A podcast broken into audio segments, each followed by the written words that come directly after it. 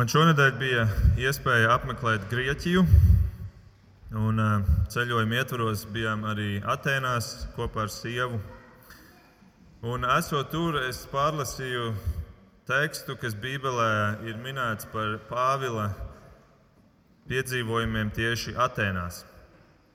Un es tur lasīju apstuļu darbu 17. nodaļas 16. pantu, kur ir teikts, ka Pāvils redzot, ka pilsēta ir pilna elku tēliem, viņu pārņēma dziļš sašutums.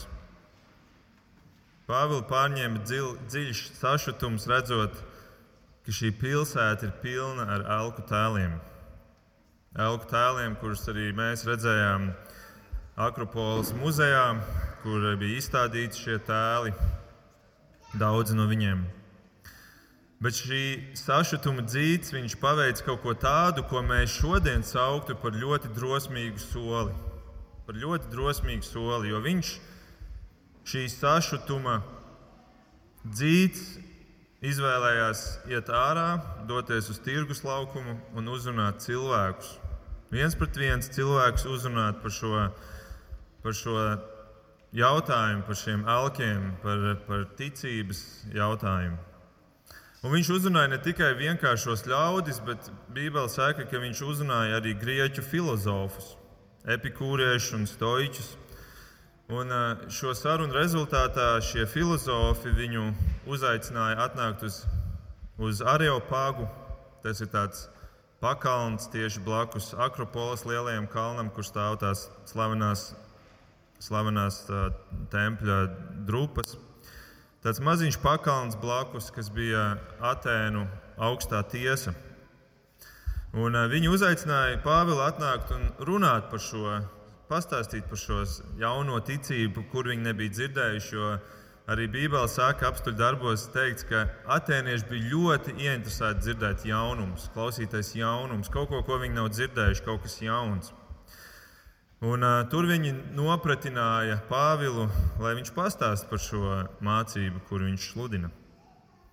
Un, uh, esot tur, Pāvils pasludināja atēniešiem evaņģēliju, pasludināja par Kristu, par šo jauno ticību, par kuru viņi nebija dzirdējuši. Un arī mums bija iespēja uzkāpt uz šī mazā areopāga pakalniņa. Un, uh, Tur pavērās tāds skats pāri visām Atēnām. Tai plašai pilsētai, trīs miljonu iedzīvotāju pilsēta, ļoti traka pilsēta, ļoti stresīgi braukt tur un, un, un, un tur muģis cilvēku masas. Bet tu redzi pāri šīm Atēnām, un tas, ko tu ieraugi, daudzi mazi tornīši. Daudz mazi tornīši. Un šo tornīšu galā krusti. Baznīcas. Un tu tā ļoti skaidri, tik spilgtā veidā stāvā acu priekšā redzi šo Pāvila drosmes ietekmi, šos augļus, kurus mēs 2000 gadus vēlāk redzam. Pāvils bija tik drosmīgs iet un uh, sludināt evaņģēlīju pat tādā vietā kā Ariopāgā, filozofu priekšā. Un arī mani tas tā iedrošināja, jo es tur biju patiesībā galvenokārt aizbraucis tāpēc, ka man bija jābrauc uz universitāti par dizainu, jārunā, jālasa lekcija un jāvada darbnīca. Un arī mani tas iedrošināja, un arī man bija iespēja ar studentiem runāt par, gan par dizainu, bet tad atrast veidu, kā tu vari viņiem saprotamā valodā pastāstīt par Kristu. Un, eh, un tas bija ļoti arī šī pieredze, kas var izlasīt par Pāvilu un kā viņš nesa evaņģēlīju. Tas bija ļoti iedrošinoši, un, un arī atēniešu studentiem bija iespēja arī caur mani dzirdēt par Kristu. Bet kur Pāvils ņēma šo drosmi? Kur viņam radās tāds sašutums par, par tādu algdievību, kur viņš redzēja atēniešu tempļos? Bībelē ir kāds interesants stāsts, līdzīgs stāsts, stāsts par Jēzu. Jūs jau zināt, kurš stāsts tas ir, jo mēs viņu tikko izlasījām. Bet tas ir stāsts, kur Jēzus arī iedegās svētās dusmās. Sašutumā viņam bija sašutums par to, ka viņš redzēja, ka patiesībā elgdievība, tā pati elgdievība bija izplatusies viņa Jeruzalemes templī. Es atgādinu, ka Jānis šo visu grāmatu, šo evaņģēlīju, kur mēs teikt, esam uzsākuši studēt cauri pantu pa pantam. Viņš viņu raksta ar to galveno mērķi, kuru mēs jau esam arī minējuši 20. nodaļā, priekšpēdējā nodaļā. Viņš pasaka, kāpēc vispār šī, šis evaņģēlijs ir tapis. Tur viņš saka, ka vēl daudzas citas zīmes Jēzus darīja savu mācekļu priekšā, par kurām šajā grāmatā nav rakstīts. Bet šīs ir rakstīts, lai jūs ticētu, ka Jēzus ir Kristus, Dieva dēls, un lai jums, kas ticat, būtu dzīvība viņa vārdā. Tātad, ja tu šorīt klausies arī šo notikumu, kur Jēzus iztīra templi, tad atceries, ka tas ir rakstīts tāpēc, lai tu tiešām ticētu, ka Jēzus ir Dievs. Un lai šī ticība ne tikai tev dotu mūžīgo dzīvību, ja tu viņu vēl neesi satvēris šodien, bet lai arī tas ietekmētu tavu šīs zemes dzīvi. Jo, ja tu tiešām ticēsi, ka Viņš ir Dievs, tā kā Pāvils to darīja, tas noteikti izmainīs tavu dzīvi. Un tas sāks mainīt to cilvēku dzīves, kuri ir tev apkārt un kurus tu vari aizsniegt. Arī caur savu karjeru, arī caur savu darbu. Līdz ar to Jāņa evanģēlijas ir kā tāda tiesas prāva, kurā Jānis pieaicina lieciniekus liecināt par to, ka Jēzus tiešām ir Dievs. Un jūs atceraties, pirmajā nodaļā Pāvils, es atvainojos, Jānis bija pieaicinājis vairākus cilvēkus. Pirmais bija Jānis Kristītājs, un pēc tam bija vairāki mācekļi. Bet tad otrajā nodaļā viņš sāka pieaicināt kaut ko citu, kas nav cilvēki, bet joprojām tie ir liecinieki. Pagājušajā nedēļā mēs klausījāmies svētkrunu, kuru Raimons mums no otrās nodaļas pirmajiem pantiem teica, un tur bija runa par to, ka ūdens kļuva par liecinieku. Ūdens, kurš, kā Raimons labi pateica, nosarka, kļuva par vīnu. Tas kļuva par liecinieku par to, ka Jēzus tiešām ir Dievs. Šodien tas ir templis. Templis tagad ieņem šo uznāk augšā un apsēžās liecinieku krēslā, un viņš tagad liecinās par to, ka Jēzus tiešām ir Dievs. Jēzus tiešām izdara kaut ko tādu, kas parāda viņa autoritāti. Jo tā vieta, šis templis Izraēla tautai bija visvētākā vieta. Un tāpēc tas, ko Jēzus šeit dara, ir kaut kas cilvēkam neticami drosmīgs, neticami um, jā, pārdabisks, varētu teikt. Bet tā mēs arī šodien vēlamies apskatīt šo tekstu un sadalīsim viņu atkal trijās daļās. Pirmajā daļā mēs um, paskatīsimies, kā Jēzus veids pašu tīrīšanu. Tātad pirmais punkts mums ir tempļa tīrīšana. Un, uh, tie ir tie pirmie divi panti. Izlasīsim vēlreiz 13. un 14. pantu. Tuvojās jūdu paskas svētki, un Jēzus devās augšup uz Jeruzalemi Un viņš atrada templī vēršu, aviju un balošu pārdevējus un naudas mījējus sēžam un savīs no virvēm pletni. Izdzina no tempļa visus, arī avis un vēršus, un izkaisīja mījēju naudu un apgāza galdus. Es nezinu, cik reizes jūs esat dzirdējuši šo stāstu, un varbūt liekas, nu jā, dzirdēts, jā, jā, nu, tā, tā tur notika. Bet es gribu, lai mēs šodien tā padomājam par to, kas te vispār notiek. Šī ir pirmā no divām tempļa tīrīšanām, kā mēs no Bībeles varam secināt. Šī pirmā notiek uzreiz pēc tā pirmā brīnuma kānā, ja, kur Jēzus pārvērš uh, ūdeni vīnā, un uzreiz pēc tam notiek šis notikums. Tātad šis notiek pašā Jēzus šīs zemes misijas sākumā. Otrais notikums ir pašās Jēzus misijas beigās. Pēdējā nedēļa pirms viņa sitīs krustā, viņš iet un atkal iztīra templi. Patiesībā tas ir tik liels uh, šoks vietējai publikai, ka tas ir tas pagrieziena punkts, kāpēc viņi beigās sāk stumt uz, tēm, uz, uz Golgāts pusi. Šis, šis tieši notikums, šī tempļa tīrīšana. Bet, ja mēs tā paskatāmies sākumā un beigās, mēs redzam, tās ir kā tādas iekavas Jēzus misijai. Tās ir kā tādas iekavas šī tempļa tīrīšana. Līdz ar to mēs pat Jēzu varētu saukt par tempļa tīrītāju. Tempļa tīrītājs. Viņš to praktizēja misijas sākumā, viņš to darīja arī beigās. Patiesībā mēs pat nezinām, varbūt viņš to vēl kādreiz darīja. Tas vienkārši nav pierakstīts. Bet mums ir zināms par sākumu un beigām tempļa tīrītājs. Bet tas liek arī aizdomāties, cik stabila ir tā cilvēka vēlme un tieksme piesārņot šo templi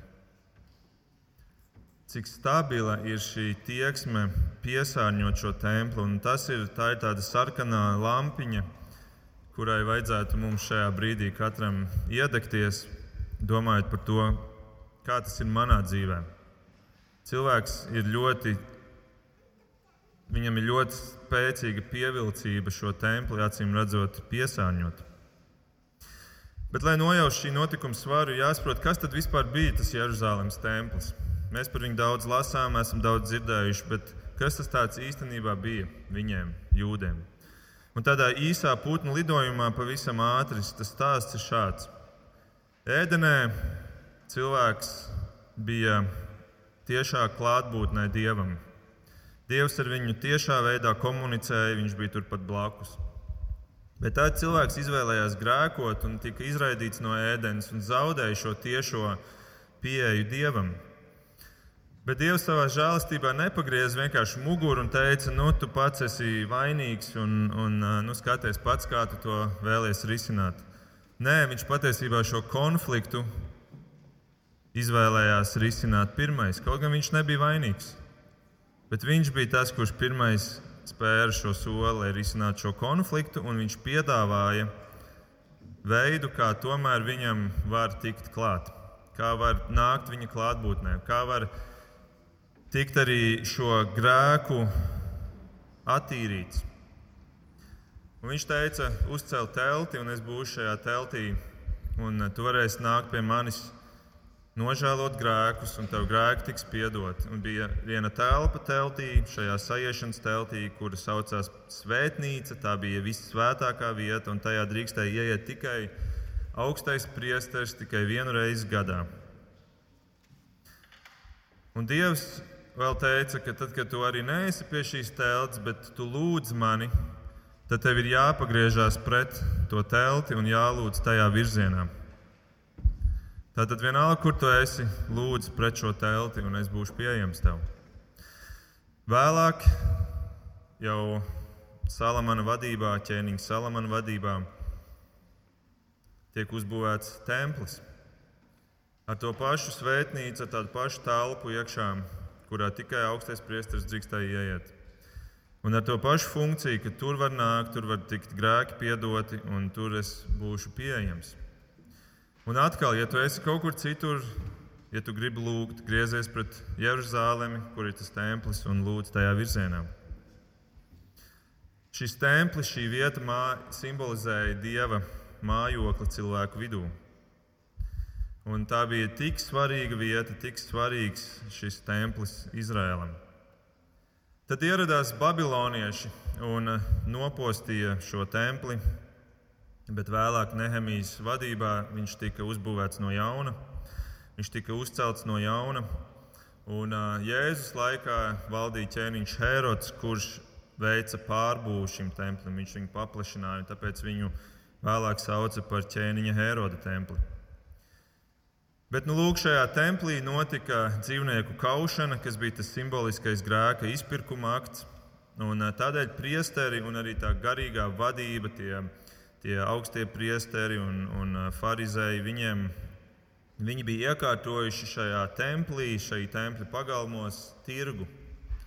Tirgu, kurā tika pārdoti dzīvnieki, kurus varēja pēc tam izmantot upurēšanai. Tāpat tur arī bija tādi valūtas konvertēšanas punkti iekārtot, ko Bībele sauc par naudas mijējiem. Jo daudz nāca no ārzemēm, viņiem bija līdzi cita valūta, un tad, lai viņi varētu nopirkt šos dzīvniekus, viņiem bija iespēja šo naudu konvertēt. Protams, komentāros mēs lasām, ka tā, tā konvertēšanas likme bija ļoti, ļoti augsta, bija ļoti netaisnīga, negodīga praksa.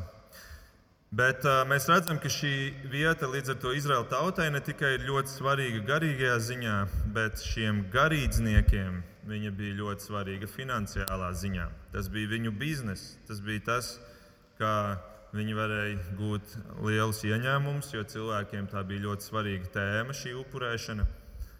Līdz ar to tur varēja labi nopelnīt. Un tad ierodas šis vīrs, Jēzus bin Jusefs, kā viņu visticamāk sauca, Jēzus, Jēzus Jāzepa dēls no Nāceretes, kurai bija slikta slava. Un ko viņš izdara? Viņš paņem virves, sapina pletni, jeb pātagu un vienkārši sāk dzīt ārā cilvēkus. Ne tikai sāk dzīt ārā, bet viņš izdzen visus cilvēkus no šiem tempļa pagalmiem. Visus pārdevējus, visus acīm redzot, arī pircējus, visus naudas mījējus. Tad vēl viņš izdzen ārā visus dzīvniekus. Viņš paņem to naudu, kas ir tajās kasēs, tur pilni trauki, kurus nav paspējuši naudas mījēji paķert līdzi, skrienot prom. Tos viņš paņem to naudu, izbārsta vienkārši pa zemi. Un jau it kā ar to nebūtu pietiekami, viņš vēl paņem un sagāž galdus. Es nezinu, kā tieši Jēzus panāca to, ka visi aizskrēja prom. Varbūt viņi domāja, ka, ka te ir kāds trakais ieradies, bet, bet es domāju, ka tā bija kaut kāda tāda dievišķa vara, ka viņi vienkārši bailēs aizskrēja un, un nevarēja palikt šajā vietā. Vienkārši neticams notikums. Iedomājieties Rīgas centrāla tirgus Un nu, te pēkšņi ierodās viens cilvēks un uh, sāk padzīt visus, visus tirgotājus un visus pircējus no šī centrāla tirgus laukuma. Viņš sāk apgāzt augļu un dārzeņu stendus, viņš nogāž galdus, kas tur ir. Viņš paņem to naudu, kas ir kasēs, paņem iespējams tos, uh, tos um, no, karšu lasītājus un izmētā pa zemi. Kaut kāds neticams skats, ne? Pilnīgi neiedomājams skats. Iespējams, neticamākais ir tas, kā gan viņu neapturēja pēc pirmā vai otrā galda. Kā viņu neapturēja? Acīm redzot, tur bija kaut kāds spēks, kaut kāda pārdabiska vara, kurā cilvēkiem neļāva viņam tuvoties. Kaut kas tāds, ko var padarīt tikai Dievs. Un Jānis, es ticu, to vēlēs šeit arī pateikt ar šo notikumu.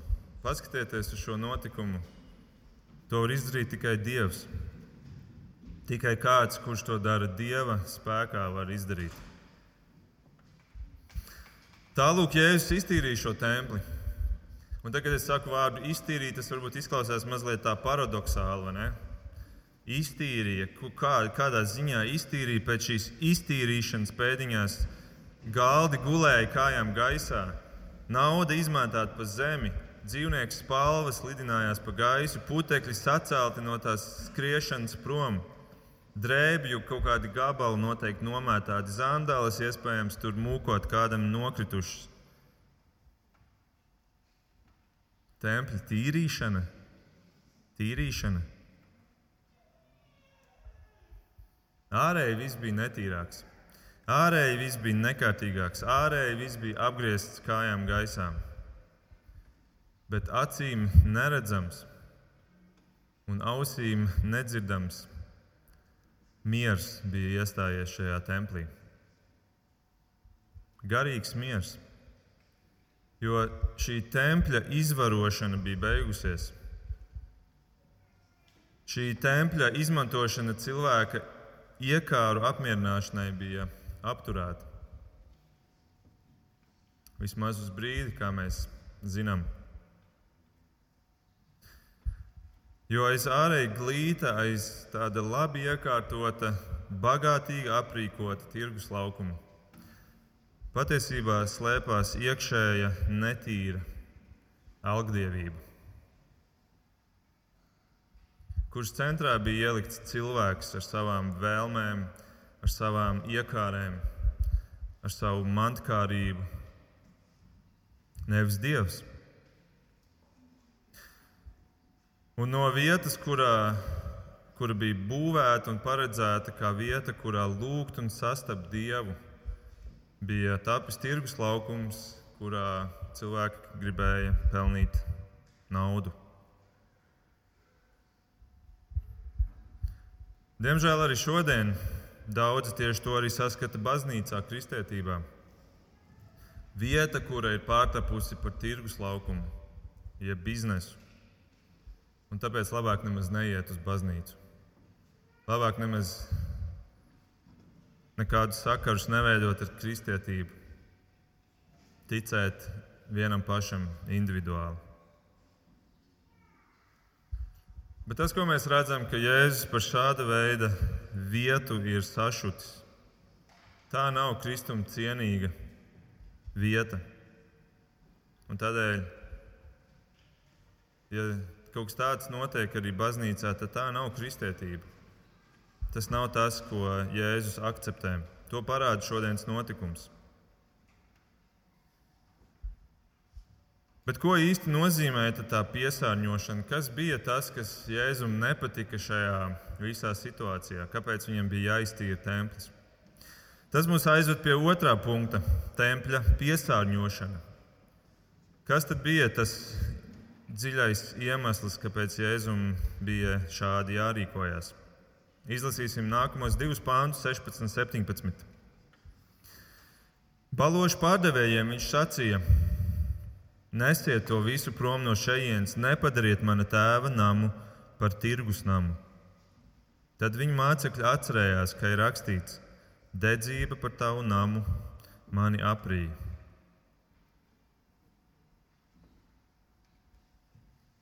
Jēzus nav pret tirgus laukumiem. Jēzus nav pret tirgus laukumiem. Bet tam ir sava vieta, un tam ir sava nevieta. Un Dieva templis nav šī vieta.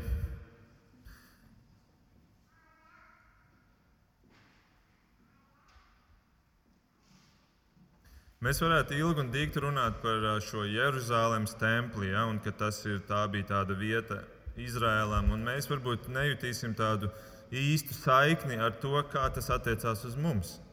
Jo mēs vismaz lielākā daļa neesam ebreji, mēs nedzīvojam Izrēlā, Jeruzalemē. Un tad, kā tad tas, kā tad, kas tad ir tā būtība?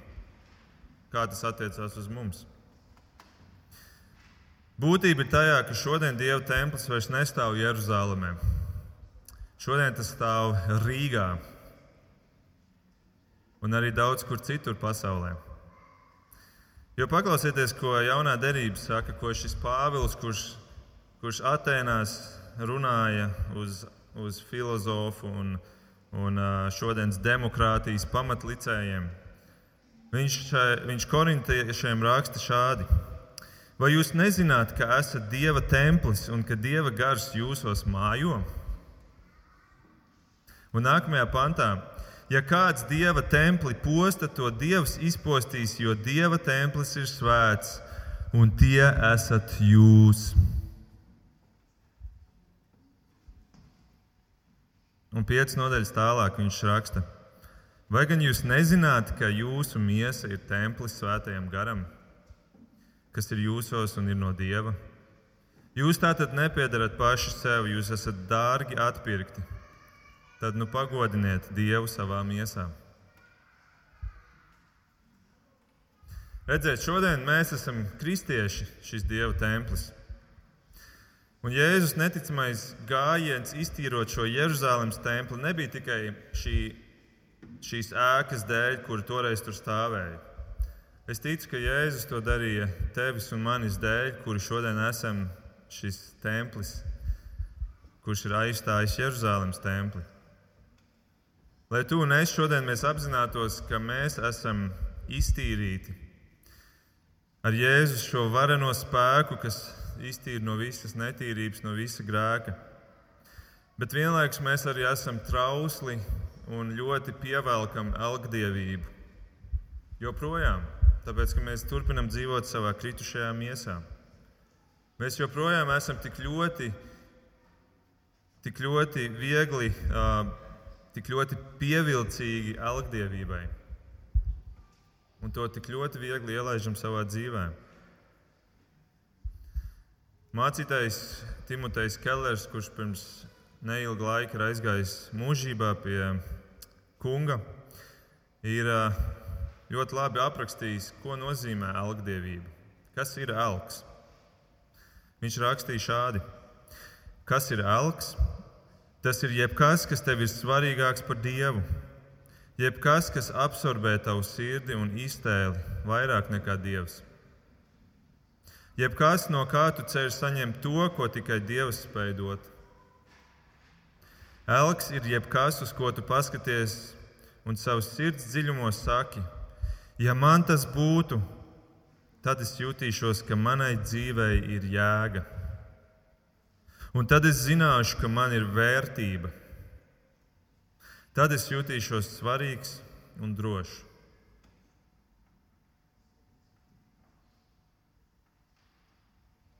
Šādas lietas mēs bieži pērkam tirgus laukumā. Ne? Un es nedomāju, centrāla tirgu, es domāju, tiešsaistes tirgus laukumos, sludinājumu portālos, e-veikalos, bet arī lielveikalos, Bet ne tikai veikalos, to mēs mēģinām nopirkt darbvietās, savā karjerā. To mēs mēģinām nopirkt kaut kādās attiecībās, kuras mēs gribam mainīt, jo mēs domājam, ka, ja mēs tagad iegūsim šo cilvēku, tad tas mūs padarīs par kaut ko vērtīgāku.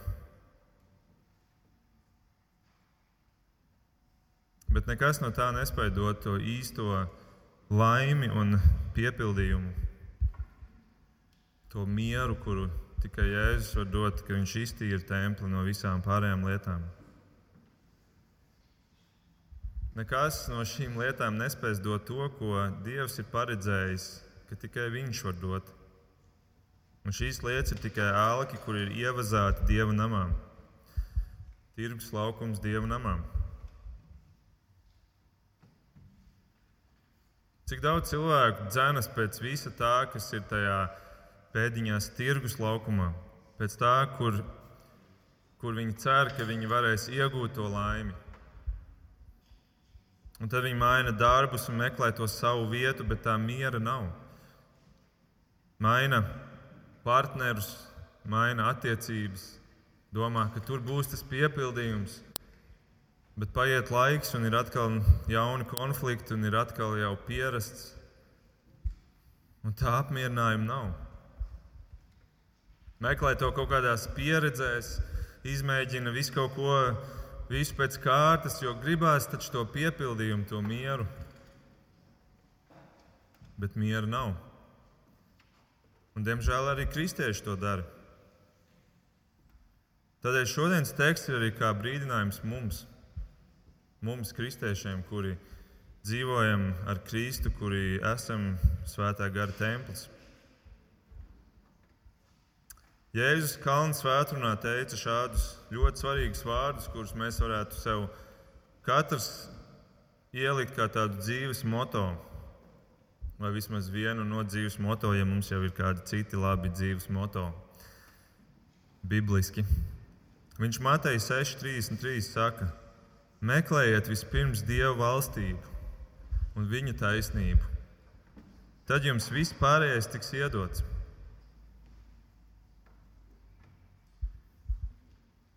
Meklē vispirms Dieva valstību, tad tev būs tas miers.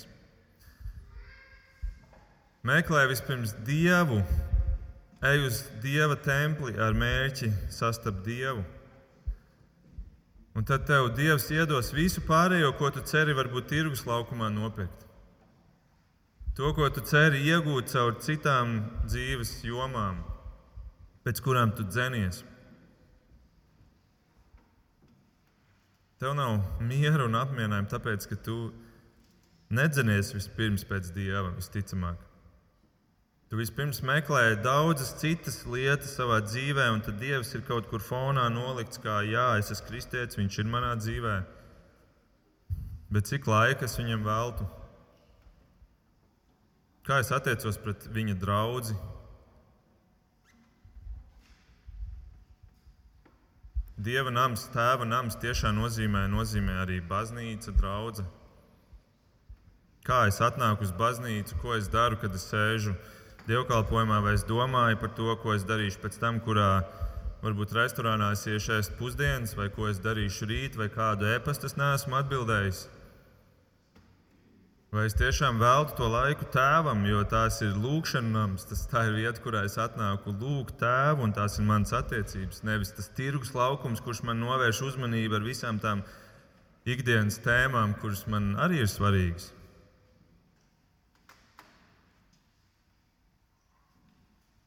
Un vispār kā ir ar svētdienu vai ar to vienu dienu nedēļā, kur mēs veltam dievam, vai mēs viņu esam tā ielikuši tādā svarīgā vietā vai svētdienā dievkalpojumu apmeklēt un nākt uz, uz draugu kopā ar brāļiem un māsām. Tas ir man ielikts kā tāda nošķirta tempļa vieta, kā tāds tēva nams, vai tas ir iejaukts kopā ar tirgus laukumu, viss sajaukts kopā. Es ātri atskrienu uz dievkalpojumu, bet tad man ir nākamās lietas. Un, un ja nu es arī nepaspēšu uz to dievkalpojumu, es pēc tam noklausīšos kaut kur braucot pie stūres fiksi uzlikšu varbūt pātrināto režīmu, lai mazāk laika aizņemtu tās garās svētrunas. Vai ir šis nošķirtais tēva nams, kurš ir attīrīts no vispārējā?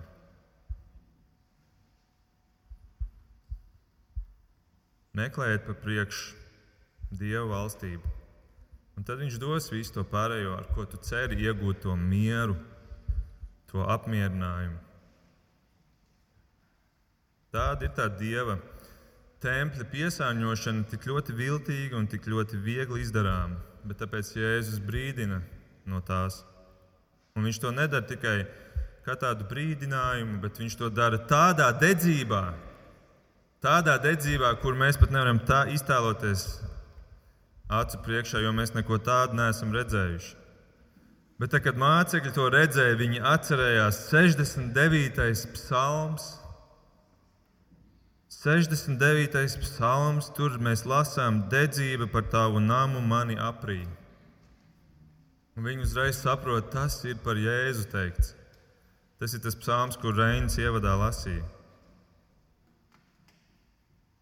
17. pantā šeit mēs to redzam. Tad viņa mācekļi atcerējās, ka ir rakstīts, dedzība par tavu namu mani aprī. Jēzum šī tēma ir ļoti svarīga. Un nevis tik daudz tāpēc, ka viņa tēva gods tiek aizskarts, kas arī ir taisnība. Jo šis templis ir viņa tēva templis, tas ir viņa tēva nams. Bet daudz vairāk tāpēc, ka viņš tevi mīl, tāpēc, ka viņš mani mīl. Un viņš grib, ka šī, šis templis ir vieta, kurā tu vari satikt Dievu. Visā tajā stresīgajā ikdienā un pasaulē, kura tev rauj uz visām pusēm un mēģina tev dot tik daudz informācijas, lai tev tēva nama pagalms būtu pietiekami piesārņots, lai tu nedzirdētu tēvu, lai tev nebūtu laika lūgt viņu un sastapt viņu.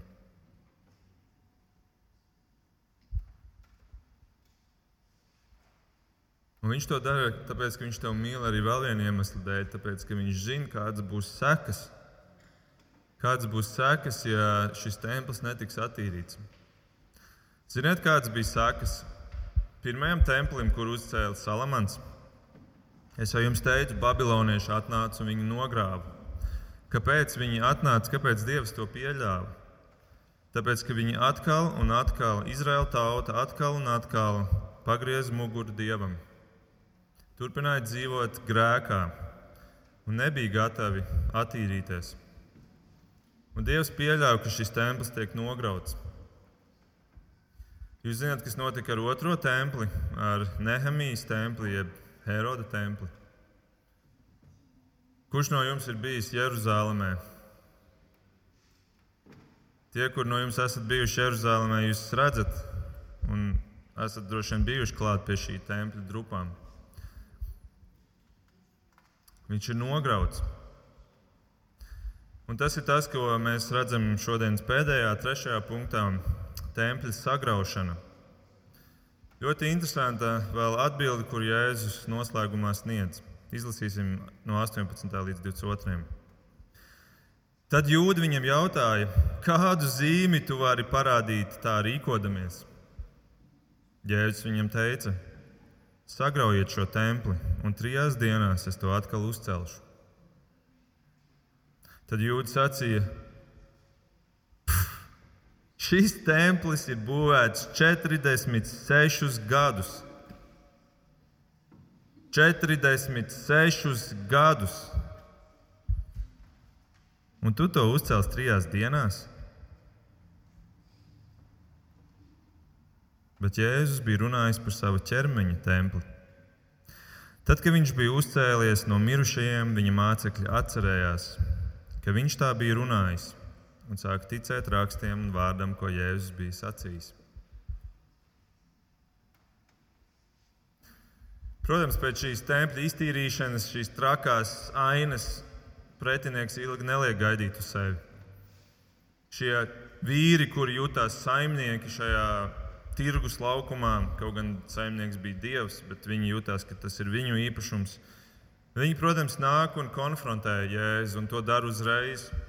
Starp citu, otrajā tīrīšanas reizē tā reakcija sako tikai nākamajā dienā. Bet šeit tā ir tūlītēji, un viņi jautā, kādu zīmi tu vari parādīt tā rīkodamies? Notikums acīm redzot bija tik šokējošs, ka viņi prasīja kādu zīmi, lai Jēzus parādītu, ka viņš tiešām ir no Dieva ka viņš atļaujās kaut ko tādu darīt, nu tad parādi zīmi, parādi pārdabisku kaut ko, kad mēs tiešām ticēsim, tu esi Dievs un tu drīkst šādi rīkoties. Un interesanti, ka Jēzus šeit viņiem neatsaka, kā viņš dara citur, kur viņam prasa zīmi, bet viņš atbild ar piedāvājumu. Viņš saka, sagraujiet šo templi trijās dienās, un es to atkal uzcelšu. Sagraujiet šo templi, un trijās dienās es to atkal uzcelšu. Es atvainojos.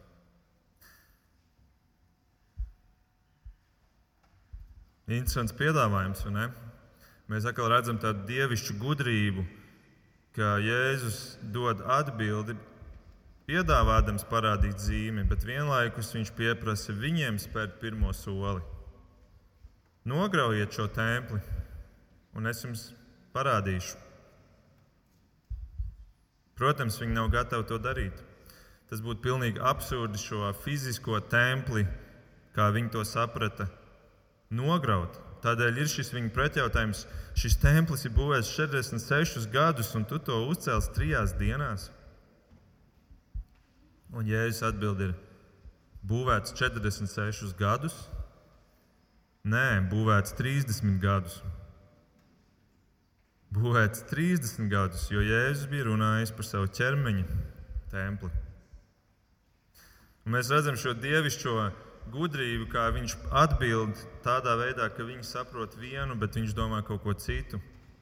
Viņi nav gatavi nograut šo templi, un tomēr tieši to viņi izdarīs paši. Viņi nograus Jēzus miesu, Jēzus ķermeņa templi. Kas ir tas īstais, tas garīgais templis? Viņi to izdarīja Golgātā, un tāpēc šodien kad mēs lūdzam Dievu, mums nav jāgriežas pret, pret kādu telti vai pret Jeruzalemi. Kur mums ir jāgriežas? Pret ko? Pret Kristu. Kristus ir šis īstais templis. Tas ir viņa miesa, un vienlaikus mēs esam arī šajā Kristus miesā, šajā templī. Mēs esam tas pats templis, kas ir Kristus, un tāpēc arī ir pilnīgi absurdi domāt, ka mēs varam dzīvot dzīvi ārpus draudzes un dzīvot tagad savu individuālo kristiešu dzīvi. Tas tā nestrādā. Tu esi daļa no šī tempļa, tu esi, jūs esat viens kopīgs.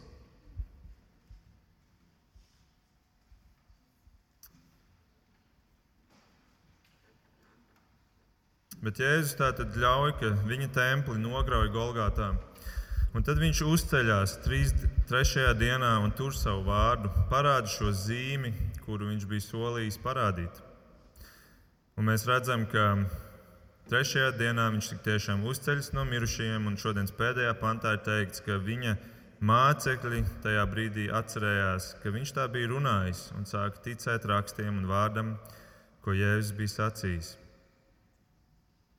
Un te mēs redzam vēl vienu dievišķās gudrības aspektu, ka Jēzus šo visu saka ne tikai tiem jūdiem, kuriem viņš runā par to templi nograušanu, bet vienlaikus tā ir arī zīme viņu mācekļiem, kuri dzird šo visu, redz šo visu notikumu, bet tad, kad Kristus augšām ceļas, tad viņi saprot un sāk pa īstam ticēt rakstiem.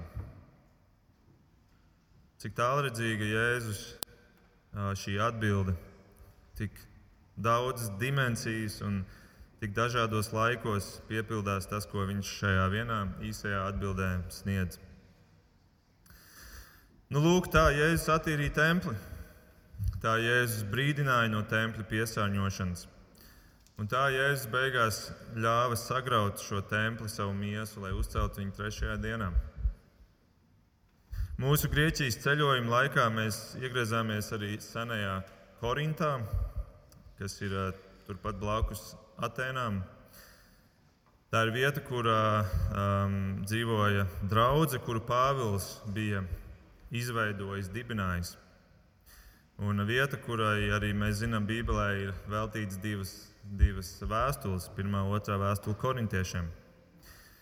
Un Korintā iespaidīgākās drūpas ir no Apola tempļa. Tad tāds elks, apols, dievs, dievība. Un tur ir tāds, tāds templis un ir palikušas septiņas kolonas. Septiņas kolonas. Varbūt var uzlikt, uzlikt to bildi, es arī atsūtīju. Jā ir palikušas viens septiņas nožēlojamas kolonas. Templis, kas bija slavena Elgdievu pielūgsmes vieta. Laikā, kad Pāvils iedēstīja to pirmo draudzīti Korintā, to maziņo asniņu, tas bija sīks asniņš. Tad tas nebija nekas blakus tām visām lielajām reliģijām, kas bija Korintā, kas bija multikulturāla, multireliģiska vieta. Tas nebija nekas blakus šim monstri, monstrīgi lielajam, iespaidīgajam Apollo templim. Un tagad Pāvils ir iedēstījis šo draugu. Ziniet, kurš ir viņa pirmais vadītājs, draugs vadītājs? Vīrs vārdā Apols. Vienkārši kristietis, vienkārši brālis Kristū. Apols vīrs, kurš bija gatavs savu miesas templi atdot Kristumu nevis elkiem, kurš bija gatavs attīrīt savu tempļa namu, dieva tēva namu, nevis turēt viņā tirgus laukumu un dzīvot sev. Un, kad es stāvēju pie šī augdieva apoļa, apola tempļa, pie šīm drupām, tad es ieraudzīju fonā, un to var arī bildē redzēt, varbūt var uzlikt vēlreiz to bildi. Tur fonā ir baznīciņa, redziet, tur stūrītī baznīca. Un Apola templis ir nodrupis, palikušas kolonas, bet fonā ir baznīca, kuru iesāka Pāvils un brālis Apols. Atvērta, aktīva. Un, tā ir draudzene, kuru, par kuru arī Pāvils ir rakstījis. Es iestādīju, Apols aplaistīja, bet Dievs audzēja. Un, tas bija tāds labs atgādinājums, cik, cik vienkārši reizēm, caur cik vienkāršiem cilvēkiem Dievs veido šo savu draugu un attīsta viņu. Un atskatoties vēsturē, mēs redzam, ka lieli tempļi ir nobrukuši. Bet tur, kur ir Kristus iestādījis savu dzīvību, attīrījis šo templi un, un turpina arī attīrīt, tur paliek kaut kas pastāvīgs kas um, ir dzīves līdz šai dienai. Un lai tas arī iedrošinājums ir mums, ka mēs varam tiešām rūpīgi domāt par to, kāds ir tas mūsu templis, kādi esam mēs Kristus acīs, un, un ka Viņš var lietot mūs, kā Viņš lietoja brāli Apolu un daudzus citus pirms mums. Lai Dievs mūs svētī. Lūksim Dievu.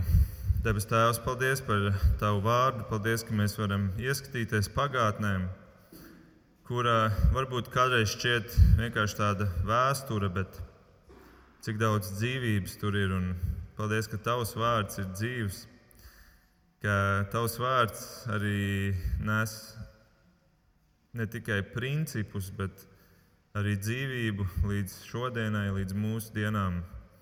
Paldies, Kungs, ka Tavā vārdā mēs varam iegūt spēku un gudrību, lai arī savu dzīvi virzītu pareizajā virzienā, lai saliktu pareizos uzsvarus, lai noteiktu pareizās prioritātes, lai nošķirtu tavu namu no tirgus nama, no tirgus laukuma tā kā tu to arī šodienas vārdā esi pavēlējis. Es lūdzu, ka mēs katrs varam ieraudzīt, kā tas ir mūsu dzīvēm, kā tas attiecās uz mums. Kā attiecās dzīšanās pēc tavas valstības, mūsu katra ikdienā, mūsu katra karjerā, mūsu katra darba jomā. Lūdzu, arī stiprini mūsu mīlestību pret draugu kopumā ka mēs arī nedomātu tik ļoti individuāli katrs par sevi, bet arī domātu, kā mēs kā draugi varam augt un stiprināties. Un, paldies, Kungs, ka tava draudzene, tava baznīca netiks uzvarēta. Neviens viņu nespēs uzvarēt, jo tu esi tās vadītājs, tu to turpini veidot un vadīt. Un paldies, ka mēs drīkstam būt daļa no tās. Lai tev, Kungs, slavu un gods un pateicība par visu. To lūdzam Jēzus vārdā. Āmen!